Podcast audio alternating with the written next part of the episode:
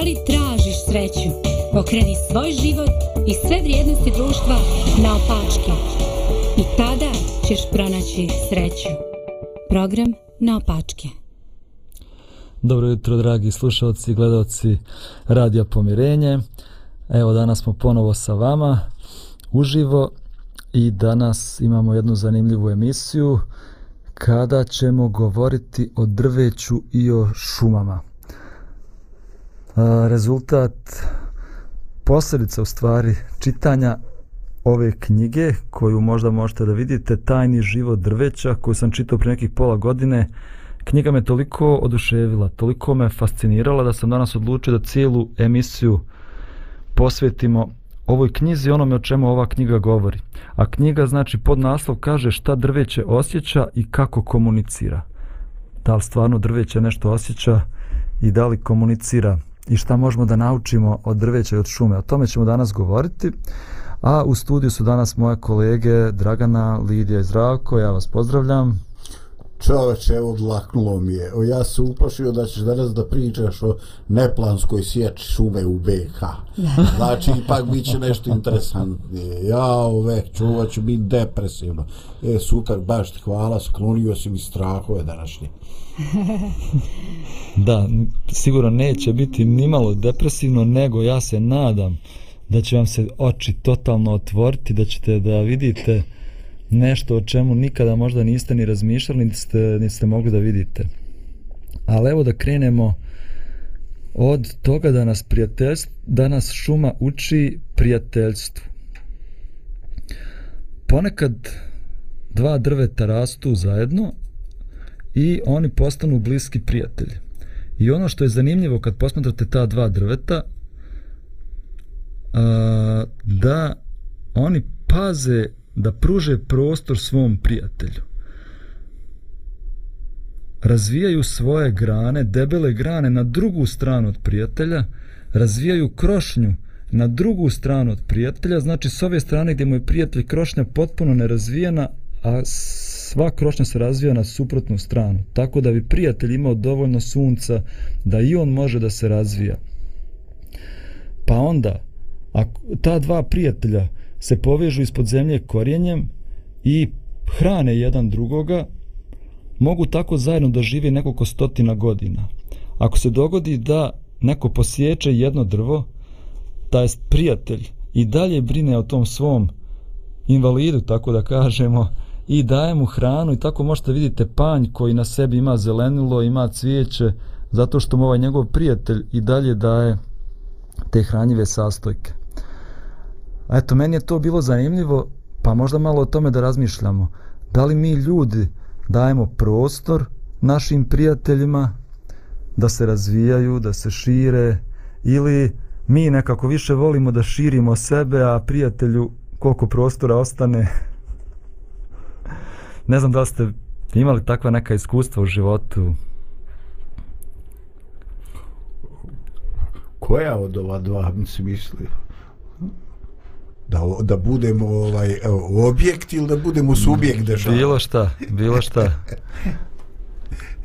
A naravno da smo imali i naravno ovaj da ako se uvijek nije odnosilo na nas nekad se to baš ovako zorno vidi kad gledamo situaciju, kad gledamo gledamo druge ljude. Ono što mene fascinira što se to jako često ovaj e, opravdava. Pa ja se moram brinuti za sebe, za svoj posao, svoju porodicu, svoju djecu. Znači to ušte da moj problem da li će tuđi podsrkati nije moj problem. To je onako baš ljudski i ovaj, više sam puta nažalost bio svjedok toga. Više puta sam to čuo u životu i baš onako ovaj baš onako uh, objašnjenje pa moram kao to je normalno ono razumiješ. Ja moram osigurati da moja djeca imaju sve što im je potrebno. Šta je mogu ako su drugi nesposobni? Da, to, Da, kaži, reci. kaži. Ovaj, ne, razmišljam baš o tom prijateljstvu i o tim nekim odnosima. Ovaj, neverovatno je koliko stvari na koje mi uopšte ne obraćamo pažnju, kao što je drveće, e, zaista imaju e, pouke za nas. Ja recimo ovo nisam znala, meni je ovo baš fascinantno. Bože, baš ti hvala nekako za ovaj podatak, jer to nam u stvari govori koliko je stvoritelj mislio na sve kad je stvarao, o, čak i na korenje drveća. Evo vidite, e, ovaj, naši gledalci i slušalci, gledalci možda ne, a slušalci svakako mogu vidjeti ovaj, na slici kako to Gledalci, izgleda. gledalci mogu vidjeti. Gledalci mogu suprotno. da, mogu vidjeti ovaj, na slici kako to onako baš lijepo izgleda kao prijateljstvo. sljedeću sliku, ima jedna slika, baš dva drveta kako rastu zajedno. Mhm, može. I tu se baš fino vidi kako ovo veće drvo, a to nije ta, Da, da, to je neka to je druga sljedeća, dobro, nema veze. Aha, da. A to je drugo. Okej. Da, Dragana, izvoli. Ovaj, svi smo mi imali ta, ta iskustva. Dobro, možda neki su imali, odabrali su da imaju ovo, ovo jedno iskustvo ovaj, malo manje u životu. Tipa ono, ostavit ću ja drugima prostora. A za mene prostor nešto što treba svakom čovjeku i onda to mi je to mi je dosta to mi je dosta u životu znači ovaj ne volim da budem u tom uskom bilo kako znači um, ne, ne mislim samo na, na te materijalne ovaj, fizičke prostore, nego jednostavno treba mi da dišem. I onda smatram da i drugima isto trebaju da dišu, pa gledam da se odnosim koliko mogu da se sjetim. Dok mi ne dođe ona, ona, ona tamna misao, pazi na sebe, ono, s, s- samo na sebe, znaš. Dok mi ne dođe tako, ali ovo je, ovo je stvarno super, znači što ti kaš Lidija, to je poruka um, priroda je puna poruka stvoritelja, znači da, da su to međusobne poruke koje jedni, jedna, jedan dio prirode drugoj upućuje, neću reći samo ljudima, nego, nego je sve nekako povezano. Tako je Da, to ovo je- fenomenalno. Da, ovo je tek uvod, ovo je tek zagrijavanje, tek ćete vidjeti šta se možemo da naučimo od šume, ali evo da ispričam ja iz svog života. Mi nekako uvijek primijetimo kad neko nama oduzme prostor, Mm. ali ne primijetimo kad mi drugima baš oduzmemo prostor. Ja sam imao iskustvo u životu gdje sam ja imao jedan partnerski odnos, ja sam vodio jednu organizaciju nevladinu, a moj prijatelj je vodio drugu nevladinu organizaciju i to je bio stvarno partnerski odnos dok nismo malo uznapredovali. E onda je počelo nekako da, da smeta razvoju, mom razvoju ili njegovom razvoju ova druga organizacija. Tako, na primjer, ja obezbijedim sredstva, novac da se kupe kontejneri, nebitno zašto i kažem, sponsor je rekao da se moraju stav, da se mora staviti logo moje organizacije na kontejner. Prijatelj kaže, važi, važi, nema problema, uzme novac, bilo dosta novaca i ne stavi logo. Kaže, a ipak, ovaj, a onda druga prilika kad ja evo ja ne dajem prostor, ne radujem se kad se stvori prostor drugome. Mi smo trebali da dobijemo jedan kombi iz Holandije i bio stvarno fantastičan kombi Toyota, neka prešla 120.000, međutim ne može u Bosnu, žena dovezla kao donaciju do granice Bosne i ne može da uđe zato što ima motor Euro 4 i kaže pošto ne mogu ovdje u Bosnu, odvešću ga u Srbiju. Tamo isto imam jednog prijatelja koji vodi jednu humanitarnu organizaciju i taj kombi završi u Srbiji. I meni krivo sada, što sada to nije došlo nama. Ne radujem se zbog mog prijatelja tamo što on dobio kombi. Znači, takvi smo mi ljudi, nekako volimo da mi imamo prostor, da svako nama da prostor, ali ne radujemo se da damo prostor nekom drugom ako nas to košta. Ali evo još druga priča, pa ćemo da napraviti jednu pauzu. Sekvoje. Najveće dr drveće na svijetu može da naraste i preko stotinu metara. Ok, to nije sekvoje. e, ovo je drvo sekvoje, jest. Ovo je baš... Ja sam imao priliku da posjetim jedan park u Kaliforniji gdje rasto, gdje raste ovo drveće. Donijeli smo jednu šišarku, Nataša, ja šišarka je otprilike ove veličine. Tako. Ogromna šišarka. Jeste se čuvali, šta ste Pa uradili? šta kad ti to padne na glavu? On to ja, drži ja, na čuvamo donjoj je, polci. čuvamo je. Aha, Čuvamo još vidjela. uvijek. Mada je bilo zabranjeno da se iznose šišarke tamo, ali mi nismo odolili, stvarno je bilo. Pa jeste. Ma nismo, kaže se, Bože, nismo znali, kao ako niste Da, od... da. Bože, pa niste znali, kao. Da. Da, ali evo ono što je zanimljivo za sekvoje.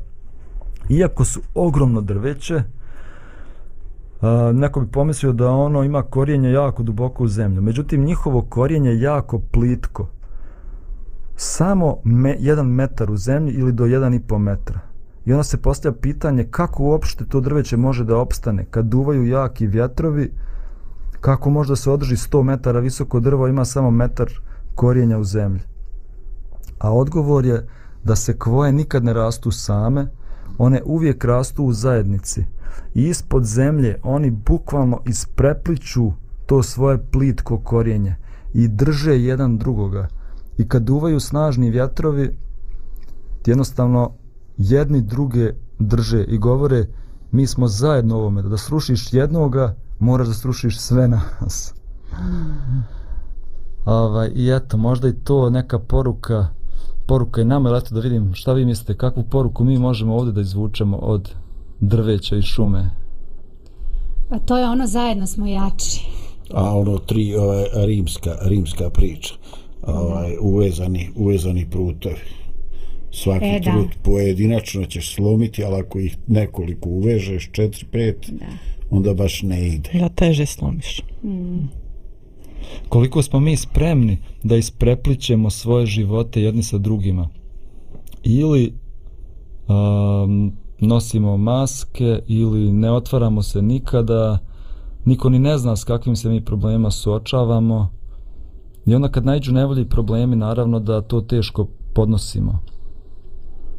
Hm, ja sam primijetila da što godine ove zadnje idu, znači da toga ima više nego ranije. To ne kažem da su bolja ranija vremena, nego jednostavno takav je način života, znači svugdje, svugdje u svijetu, pogotovo, mislim, taj razvijeniji dio svijeta, kao da nas hoće dehumanizirati ili ne znam nija šta pretvoriti nas u neke predmete, da, da samo za sebe svako živi, a da u masi izgledamo totalno isto, da, ne, da nismo unikatni svako od nas. Jednostavno kao da nismo živa bića, a priroda nam sasvim drugo poručuje, znači tako da je opet ta priroda fenomenalna. Dobro, hvala ti Dragana. Evo možemo da napravimo jednu malu muzičku pauzu pa ćemo da nastaviti našu priču o drveću i o šumama. Thank you.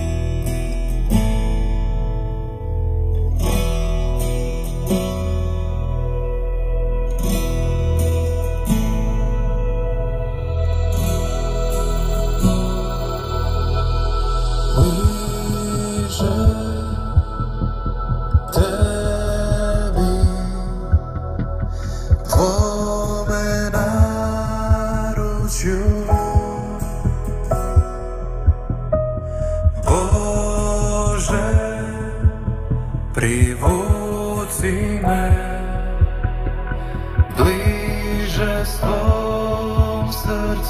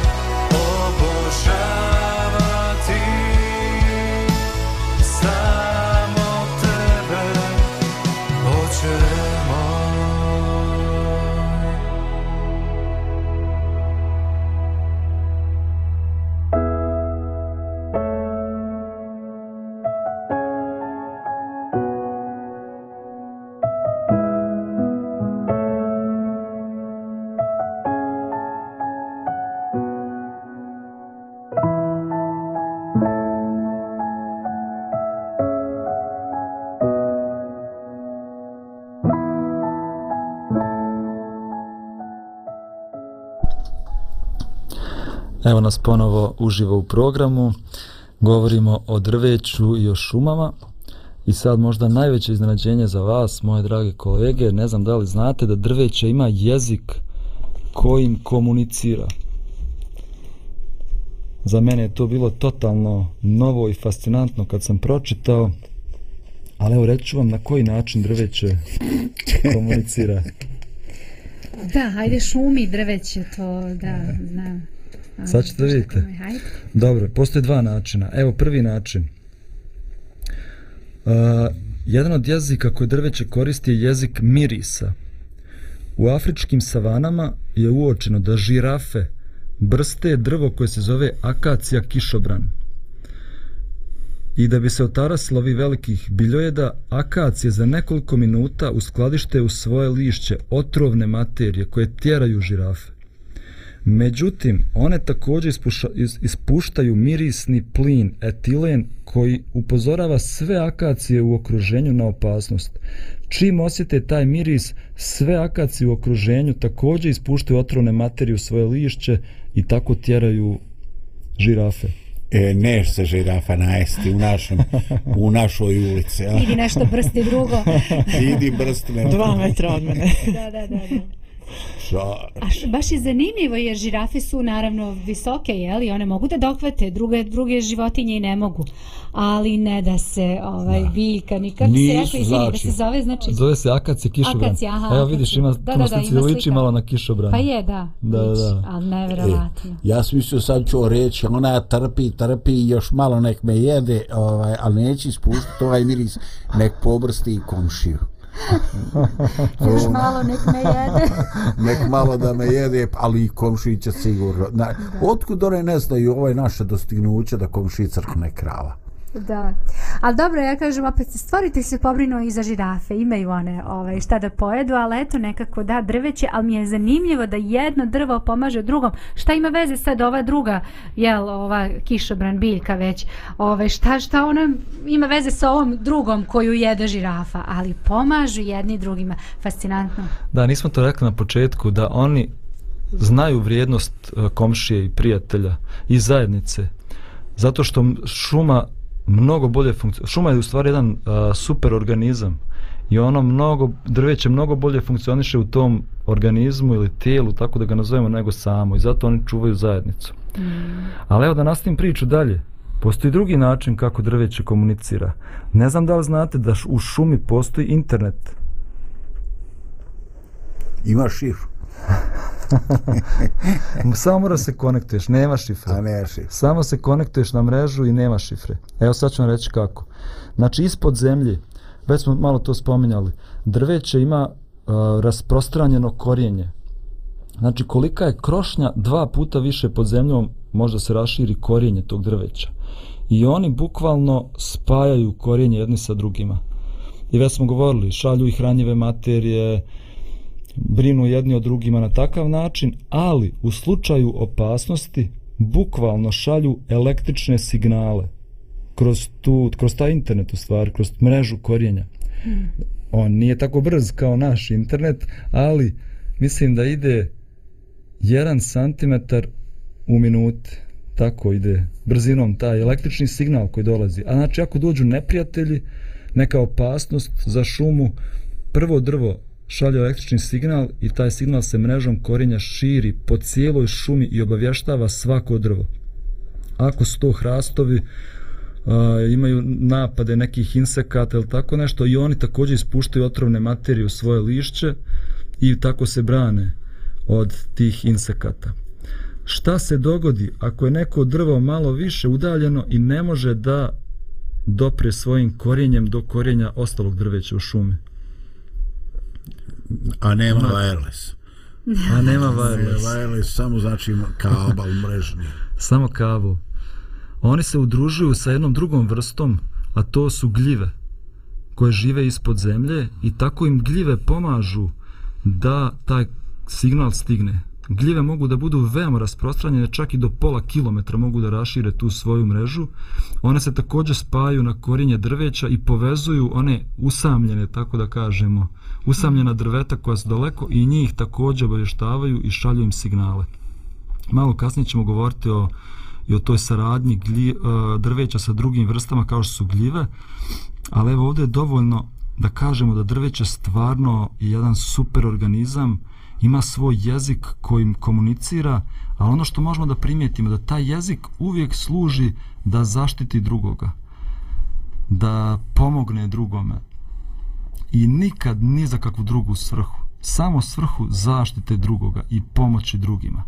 E sad možemo malo da napravimo neku paralelu sa nama ljudima, ako je drveće stvoreno na takav način, dizajnirano na takav način, da tim svojim jezikom samo pomaže drugima i štiti druge, kako onda moguće da mi koristimo jezik za neke druge svrhe? I zašto mi najčešće koristimo naš jezik? Ili ne mora biti najčešće, ali da li je to isključivo za pomoć, izgradnju druge osobe ili, nažalost, se koristi za neke druge svrhe? Ja, mi smo, mi smo ovaj, da kažem, na višem nivou od drveća. Bića koja su isto stvorena, ali jednostavno nismo baš na tom nivou. Ovaj, a, nego imamo i svoj odabir, znači. Pa kad zlo udari na nas, onda mi biramo da li ćemo se podrediti tom zlu ili ćemo ipak biti na drugoj strani gdje, gdje je normalno, gdje je dobro. ovaj, sad drveće jeste neš, nešto živo, ali opet nema, nema mozak kao mi, nema um. Ali je tako dizajnirano da jednostavno pomaže jedno drugom. Drvo, što kažeš, kad se jedno izdvoji, može opstati neko vrijeme, ali ako se ne udruži sa drugim organizmima, onda teško da će to ići na duže staze. Tako je poruka i čovjeku, znači može na jedno vrijeme i uspješno biti, ali onda počinje sebe zavaravati da je on uspješan ili ne znam šta meni pomaže, karijera meni ovo ili ono, ne znam u čemu je već uspješan, ali nema to na duže staze, to ostavlja velike posljedice, znači duboke, one negativne, tako da je bolje da se i ljudi udruže. hvala ti, hvala ti Dragana. Ima dosta zanimljivih tekstova u Svetom pismu koji govore o jeziku. Na primjer, jedan tekst kaže smrt je i život u vlasti jeziku. Či mi bukvalno našim jezikom možemo da nekom damo život, a možemo i da nekog usmrtimo, da ga ubijemo. Pa onda zanimljivo tamo u, u jednoj maloj poslanici u Novom Zavjetu kaže ovako A tako jezik je mali ud, a mnogo čini. Gle mala vatra i koliko velike šume sažeže koliko, koliko štetu mi čak nekad napravimo svojim riječima, svojim jezikom. Mali ud, a velike štete napravi, velike šume izgori. Eto, šuma nas uči da koristimo naš jezik, da zaštitimo druge, da izgradimo druge, da pomognemo drugima. Možemo napraviti jednu opet malu pauzu, pa ćemo nastaviti sljedeći segment o šumama. Može.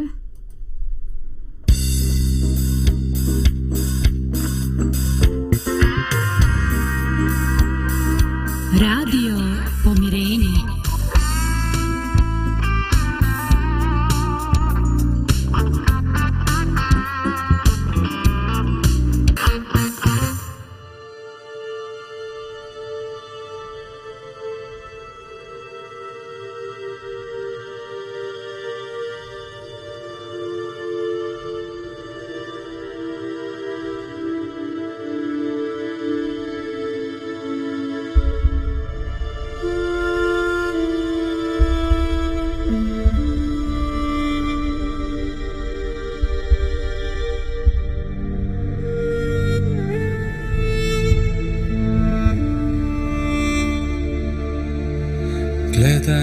te gleda Gledaj, on te gleda.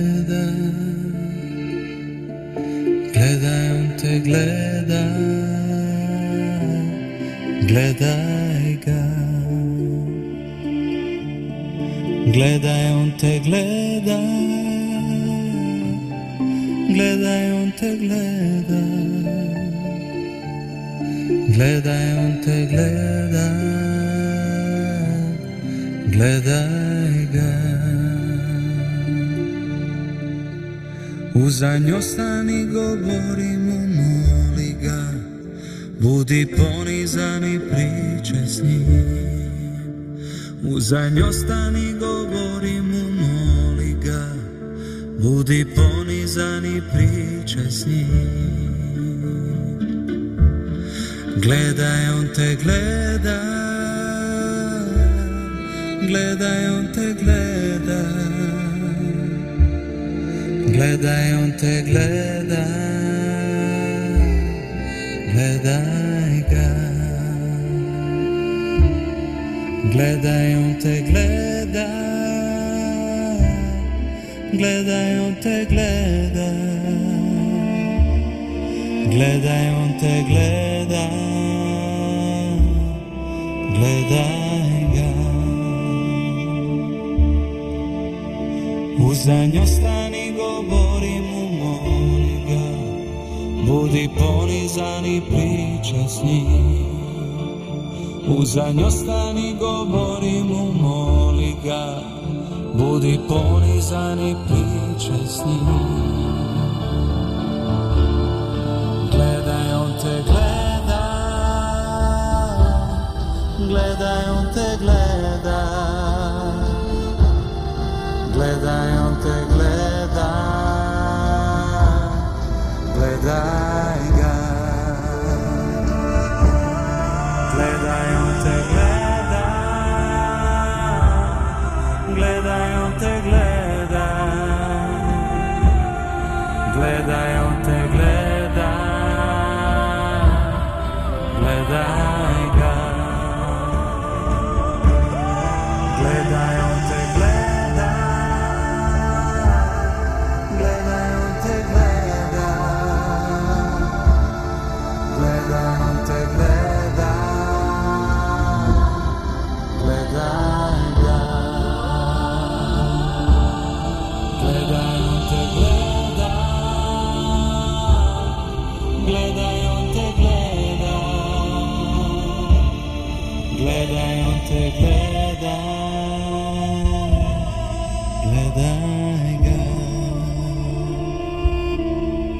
Gledaj, on te gleda,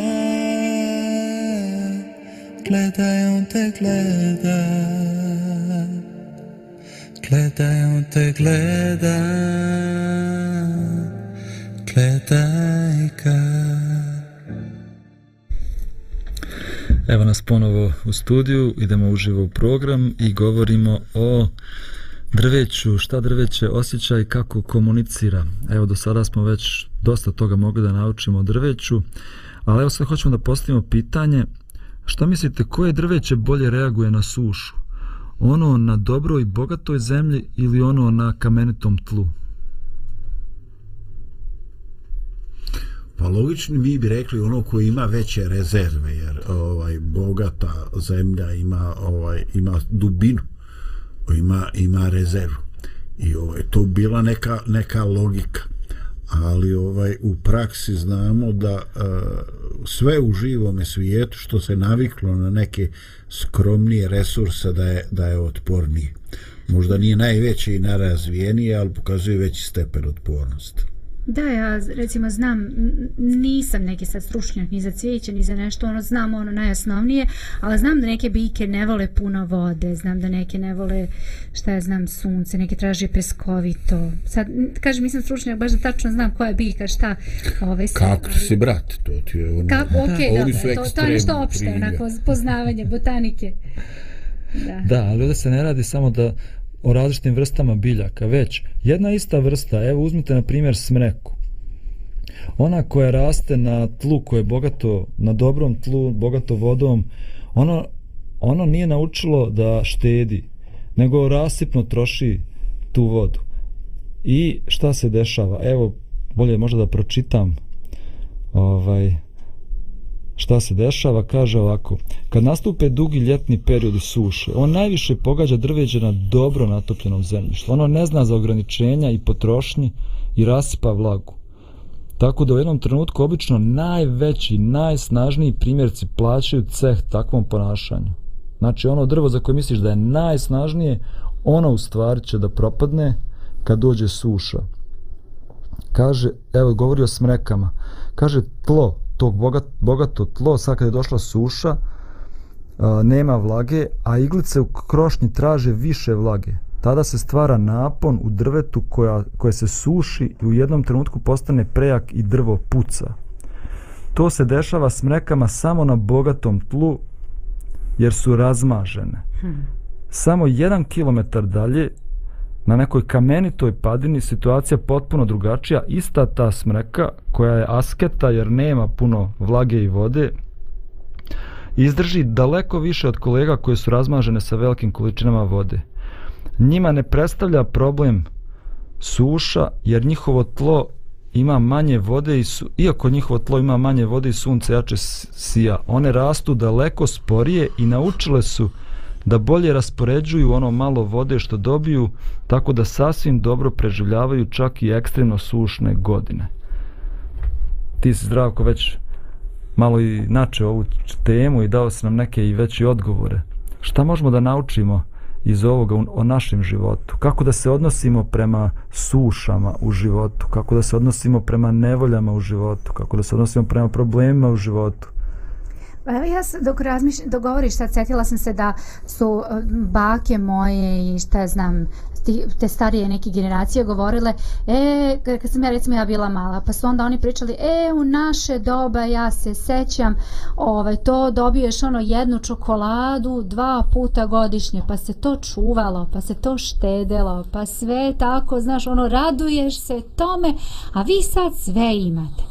A ja sad gledam svoju decu i ja sad u odnosu na, na, na ono što sam ja prošla, mislim, nismo prošli te, ovaj, te godine možda kao oni, jesmo imali, ali oni sad imaju još više. Ja nekako uvijek imam osjećaj da oni ne štede dovoljno u smislu nemaju toliko vode da trošiš manje, pa ne znam, hranu pojedi sve do kraja. Nas su tako učili, ono, pojedeš iz tanjira, nema ostave, ostaviš nešto da se baci. I tako te neke stvari, ja, ja mislim da nas nekako ta vremena, da smo mi kao, kao ova biljka što, što živi u tim raskošnim naš predalima, pa ima vode koliko hoće, a nekako ta sušna vremena, vremena nas uče da, da naučimo šta znači stvarno ovaj, štedeti. Sad mi je palo na pamet, o, izvini, zdravka sam te. Samo, je, samo uzima vazduh, samo napred. Ovaj, sjetila sam se jednog možda našeg zajedničkog poznanika koji je pričao kako se upoznao sa svojom ženom. On se i molio Bogu za neke osobine dobre za nje, njene i između ostalog molio se zato da, da mu Bog da ženu koja će znati kako je imati, a i kako je nemati u životu, znači. Da, da ne bude uvijek ono samo siromašna toliko da, da jednostavno je zaslijepi bogatstvo nečije ili nečija prosječna, ne znam, plata da kako kažem, ovaj, da jednostavno je to bude prioritet iznad muža, ne, ovaj, ali isto tako da ne bude da, da zna i drugu stranu, znači da ne bude i toliko bogata da jednostavno je navikla na taj na to sve, tako da um, ono, što bi svaki čovjek trebao da poželi za sebe, jednostavno da, da se zna snaći u tim situacijama, da, da se i kad nas o, dešavanje stave u, u tako nešto, znači da znamo i kako je to imati i kako je nemati, ali da nas te situacije ne vode, nego jednostavno da, da nešto u nama bude plemenitije od toga da, što nas vodi. Ovaj, pa ja sam spomenuo već, ovaj, e, ja imam prijatelja ovaj, i imamo dosta zajedničkih crta. Jedna od njih je ovaj, ljubav prema biljkama, druga naša zajednička osobina što obojice volimo da jedemo i onda se povremeno nađemo i spremamo nešto vani. Znate, ovo kad su muškarci kuvari, ovo što se sprema na dvorištu i tako. A on je ovaj e, čovjek koji ima u posjedu ogromna znanja o biljkama i jedno vrijeme je bio je e, čovjek sa najvećim brojem kaktusa u Bosni i Hercegovini.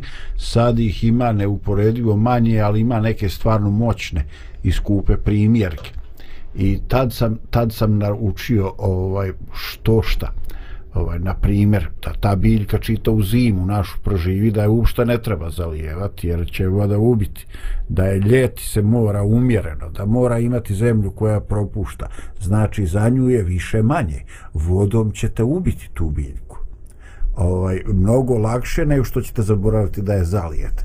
I ona unutar sebe čuva, čuva zalihe. I onda čovjek koji je jasno kad shvati da su to biljke koje koje rastu ovaj u pustinskim krajeva. Ali također u tom nekoj sivilu, bodljikavosti, ovo je ono, neki od njih e, procvjetaju jednom u godini ili jednom u par godina, ali to je ovaj veličanstveno. I onda, e, onda shvatim, gledajući, ova naša zemlja je, ovaj, e, ima neke suprotnosti. Ovaj, I mi znamo dva suprotna primjera.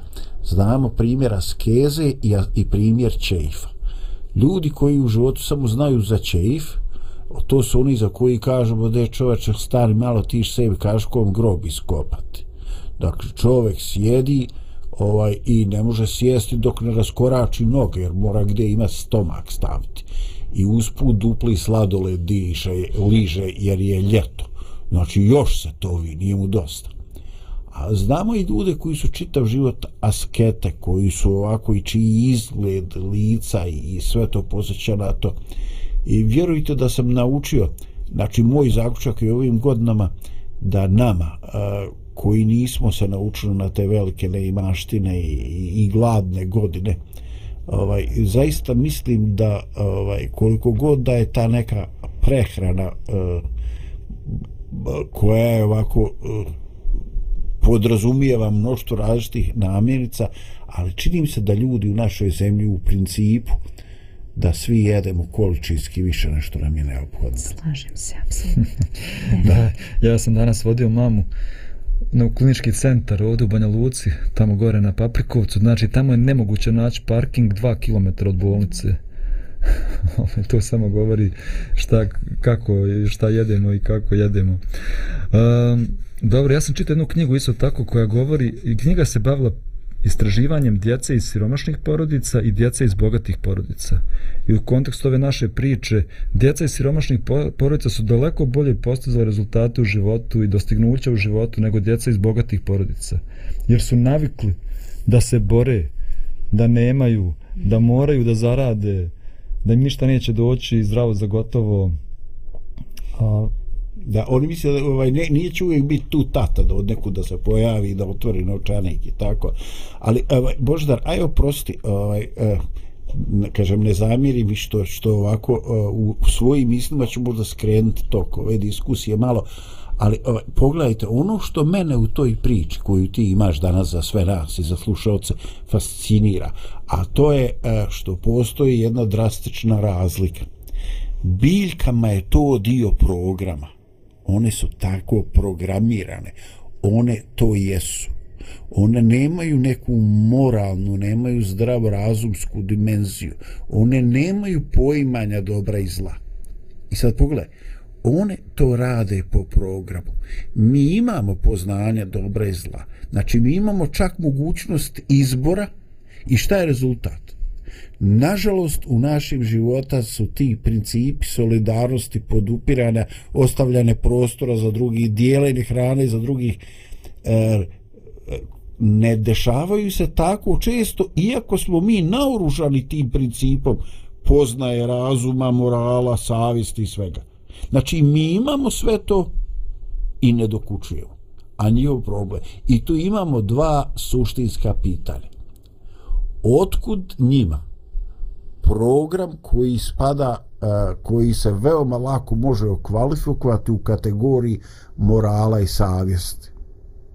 Otkud to biljkama za koje ljudi misle da su našle nastale evoluciju.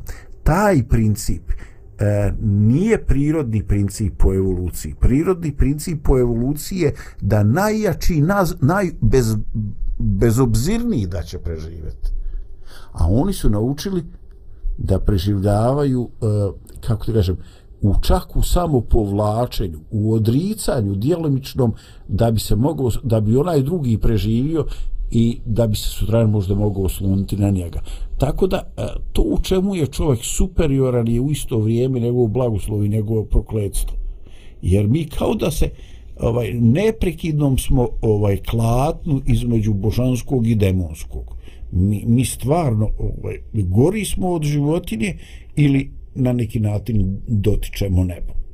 A ovi, ovi primjeri koji ti čitaš, oni su fascinantni, znači čak i kad nam neko ne priča priču, kad nam ne popuje, kad nam ne priča eh, ne priča neko predavanje u džami ili bilo gde u crkvi, jednostavno priroda te podsjeća na neke stvari. Idi k bravu ljenicu, mudraj, vidi.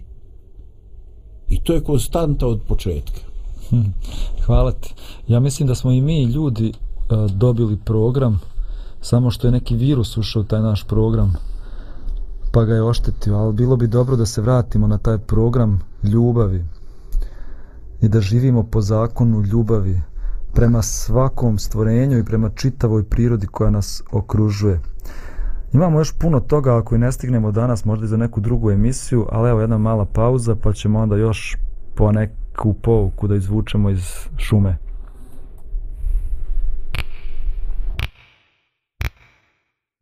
Radio. Radio.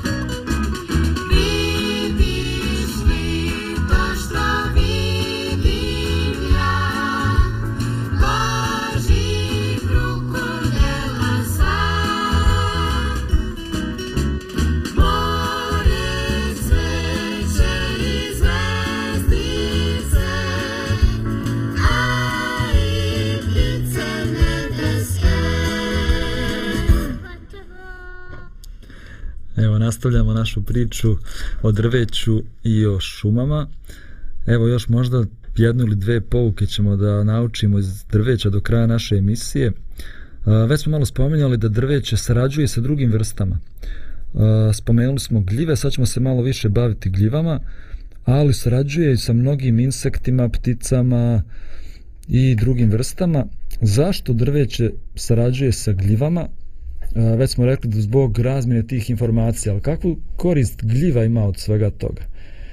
A, oni obostrano imaju koristi od te saradnje i partnerstva. Možemo reći da drvo je u partnerskom odnosu sa gljivom. U saradnji sa gljivama drveće može da usisa mnogo više vode i hranjivih materija. Biljke u simbiozi sa gljivama sadrže dva puta više azota i fosfora neophodni za život nego jedinke koji imaju samo svoje korijenje i nisu u saradnji sa gljivama. Da bi se drvo ortačilo sa gljivom mora da bude veoma ranjivo i otvoreno i to u bukvalnom smislu riječi zato što se konci gljive urastaju u to nježno i fino korijenje drveta. Kad se to dogodi, ortaci počnu da sarađuju. Gljiva prožima i obavije korijenje i onda se rasprostire, rasprostire svoju mrežu na okolno zemljište.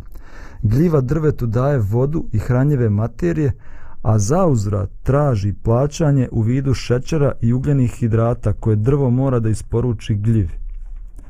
Gljive međutim nisu nimalo skromne, traže za svoju uslugu i do jedne trećine proizvodnje. Za bogatu nagradu šećerom, one pružaju još nekoliko dodatnih usluga drvetu kao što je filtriranje teških metala koji ne prijaju korijenju i zdravstvene usluge odbrane od bakterija. Gljive mogu zajedno sa stablom da dosegnu starost od nekoliko stotina godina. Ortaci, partneri, nekoliko stotina godina žive zajedno, pomažu jedno drugome. Sad zanimljiva priča. Prije nekoliko godina ja sam pomagao nezaposlenim ženama da otvore svoju zajedničku firmu. I došli smo tamo u Poresku upravu, gledali smo na koji način može da se otvori zajednička firma. Njih je bilo četiri žene ili pet žena. Pet žena je bilo. I oni kažu, evo zakon nudi opciju koja se zove ortačko društvo. Svi da budu vlasnici i tako se zove ortačko društvo. Ali otkad je taj zakon otvoren, kaže ova žena na šalteru, ni jedno ortačko društvo nije registrovano. Reci mi zašto. Zanimljivo. Drveće, gljive, postaju ortaci, sarađuju jedni s drugima, pomažu jedno drugome, imaju obostranu korist u tome, a mi ljudi nekako ne volimo da se ortačujemo s drugima. Kod nas u Bosni i Hercegovini 5% poljoprivrednika je udruženo u poljoprivredne zadruge, dok recimo u nekim drugim razvijenim zemljama 85% njih je udruženo u poljoprivrednu zadrugu. Mi ne volimo ortake. Loše iskustvo, brate. Bilo vrijeme kad su čerali ljude u zadruge, razumiješ, ono, mora po političkoj liniji. Čovjek bio gazda i onda došli i, i tjeraju ga u, u zadrugu u kojoj su neki tamo došli da šefuju. I šefuju nad njegovoj zemlji, a on i dalje smije da radi, ali dobit je. Znači, lo, imamo loše iskustvo s tim. Nije to nešto, ovaj, nismo razvili sistem ovaj da zaštitimo te ljude, ovaj ortake. To znači da mi nemamo povjerenja jedni u druge. I svako voli da ima svoje. Pa da, braća ne, ali ne, jeste, ali osnivaju. evo pogledaj sad recimo, evo Božo je uradio to, znači i ti sad imaš žene koje rade. Evo ti nam reci, znači kako one funkcionišu, da li tu postoji nekih problema u tom smislu, vratno imaju druge probleme, ali u smislu tog partnerstva. Ugasla se firma. E, baš si nas uhrabrio sad. Ugasla se firma, ali ne zbog toga što nisu one Da. mogle da funkcionišu, nego bilo najgore vrijeme za registraciju firme, za čišćenje. One su htjele da čiste stanove i poslovne prostore, ali došla baš u vrijeme korone. Došla korona i nije bilo moguće ulaziti uopšte u kuće i prostore i nekako su dvije godine u, uspjele da se održavaju ali na kraju se moralo ugasiti firmu. Ali evo samo to govorim primjer. U prirodi sve sve je povezano i sve sarađuje. A mi ljudi koji imamo mozak i razum, kao što si ti zdravko govorio, koji bi trebali da sarađujemo, pa uvijek je bolje zajedno, uvijek je lakše, više resursa imamo, više pameti imamo, bolje gledamo na stvari, ali ne mi više volimo da da radimo sami, da idemo kroz život sami. A, šta još možemo da naučimo o šumi? Također smo rekli da je drveće, nismo još rekli, ali evo rećemo, da je drveće dom za mnoge životinje. A, a partizani? A partizani? Čovječe, pa ti zaboravljaš našu prošlost. Kad god je bila neka seljačka buna i neki okupator, narod bježe u šumu i preživljavao. Aha. Ja se pitam koliko mi bi danas uspjeli preživjeti u šumu. Razumiješ, ja sam bio dijete, meni su pokazivali recimo da za nuždu može da se ovaj uzme malo o, mlado bukovo lišće se može jesti. Hmm. Razumiješ? Vrhovi kopriva su bolji nek španač. Naravno mora toga skuvat, nemojte gurati u usta onako ovaj, žar, Peckavo. peckavo, da. Znači postoji gomila stvari koji ovaj e, koje su koje su jestive. Da ne govorimo o gljivama. Eto, recimo, ja se fasciniram. Ovaj, ja tamo gde sam rođen, mi smo znali dvije, tri gljive. Znači, znali smo ovaj, pečurku u bijelu gljivu što ima e, ljuto mlijeko, znali smo verganj, runjcu ili rudnjač, onu sa, sa finim klobukom naranđastim, ovaj, šta sam nabrao, to tako tri, četiri stvari. Evo, sad sam ovde u Srbcu ovaj, sam naučio i jarčeve. I onda su mi rekli, pravi jarac je onaj kome ovaj peteljka na držci se može slobodno šetati gore dole. Ovaj, super gljiva. Ali znam neke ljude koji ovaj stvarno su, stvarno su stručnjaci. Eto, jednostavno budite oprezni, kaže sve su gljive jestive, ali neke samo jedno. Dobro. Da, počeo sam priču o tome da je drveće, svako drvo je dom za mnogobrojne životinje. Na jednom hrastu jedan naučnik je izbrojao 257 vrsta životinja. A, to su vjeverice, a, ra, mnogobrojni insekti, lisice, paukovi i tako dalje. 257 vrsta životinja živi u krošnjama ili tu u blizini oko, oko drveta. Pa ti stavi šator ispod toga. Ali možda pitanje o gostoljubivosti. E, da bi naš život trebalo da živimo na takav način, drugi ljudi imaju korist od nas. Da naš dom bude otvoren mnogim ljudima, a ne samo nama. Šta mislite, da li smo mi toliko gostoljubivi kao što je drvo Sve gostoljubivo? manje i manje, nažalost. Sećam se ranijih dana kad su, kad su dolazili kod nas ljudi, dođi nam čoče, dobro, znamo, neko garantuje za nekog i kaže, e, ali onda primiš ga u kuću, stvarno nije bilo, ali danas već, Sve više nepovjerenja ovako da, inače. da. I ljudi generalno kaže, a neću ja kod onog da spavam, nije bitno ko je, nego idem ja bolje u hotel, neki motel, šta god iznajmit ću, samo da ne, Da. Ali čekajte, zar to nije, nije ovaj i razlika između, između urbane i te neke e, ruralne seoske sredine? E, ljudi su se na selu poznavali i živjeli su daleko jedni od drugih.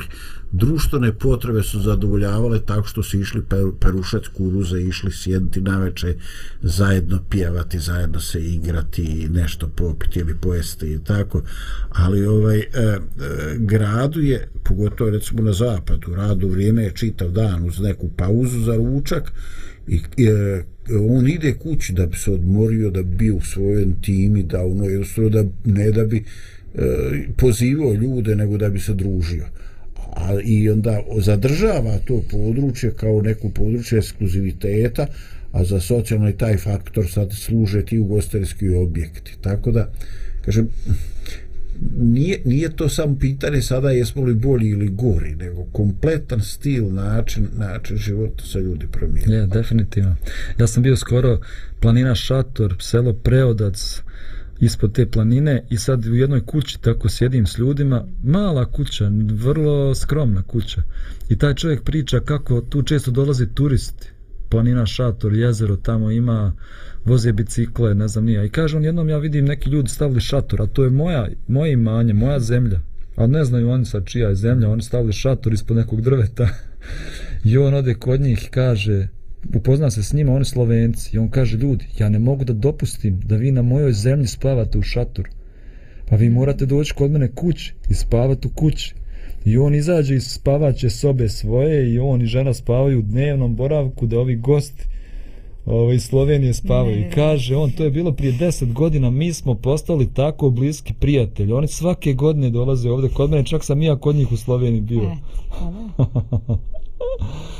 hvala. Fantastično. mi smo poduzetnici ovaj, umjesto da se dosjeti da ovaj, napravi im kako se to kaže kamp za ovaj za kako se zove kamp za ovaj postavljanje šatora ovaj, Da, da, da. Fali mi izraz, čovječe, da je pomozite mi. Pa ne znam Kako se na to što misliš. Kamp. Kamp. Pa kamp, da, da napravi kamp čira, da odvuče im tamo iz kopa izvor. Kamp naselje, misliš kamp da se naselje može i tako, da kampovati? ljudi mogu kampovati. I naplaćuje se Da, da, da, usluge da, da, i sve. to. Naravno, njegova zemlja. Ne, daj Bože, nemojte slušati to.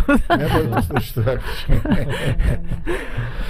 A rade to ljudi, meni je to okej. Šta, njegovo je, ima pravo. Dobro, Da, evo. način Aha. da zaradi, izvinjavam se, izvoli, način, Dragan, nisam protiv toga, ovo sam se zezam, Da, nego ovo, Naravno. nego, ovo, mislim se, znaš, kako ima dosta toga, ovaj, u, u zadnje vrijeme, ovaj, svi kako gledaju, znači, ono, izgrađe zgradu ili ne znam šta, neću, kućicu će srušiti negdje. E, da, to je. U tom je fazon, a ovo, ovo je možda način kako će neko zaraditi platu. Slažem se, slažem se. Pa i prodati svoje proizvode, čoveče. Da. Evo još posljednja, posljednje što želimo danas da saznamo o drvetu. Da li znate da drveće zna da broji? Kako ono zna kad treba da lista, kada mu lišće opadne? Prvo, ono ima osjećaj za temperaturu i po tome zna kad dolazi proljeće, a kad zima. Međutim, svi smo mi doživjeli neke toplije faze u januaru ili u februaru, a bukve i hrastovi opet nisu ozelenile. Kako znaju da nije vrijeme za stvaranje novih izdanaka? Tako što drveće zna da broji. Tek kad prekorači određen broj toplih dana, drveće povjeruje takvom stanju i svrstava ove dane u proljeće. Ali to nije sve. Odbacivanje lista ili olistavanje ne zavise samo od temperature, nego i od dužine dana. Bukva se, na primjer, budi tek kad svjetlost dnevno traje barem 13 sati. To je zadivljujuće u smislu da drveće mora imati neku vrstu sposobnosti vida. Sve ovo što smo danas govorili je jedno čudo. Dostojevski je rekao da je sve oko nas u stvari tajna Božja. I moja je želja da nam Bog otvori naše oči, da vidimo tu tajnu Božju u prirodi oko nas i da se naučimo životnim lekcijama od drveća, šume i svega što nas okružuje. Lijep pozdrav svim našim gledalcima i slušalcima. Vidimo se ponovo sljedeće sedmice u ponedeljak. Doviđenja. Pozdrav. Pozdrav svima, pozdrav. Thank you.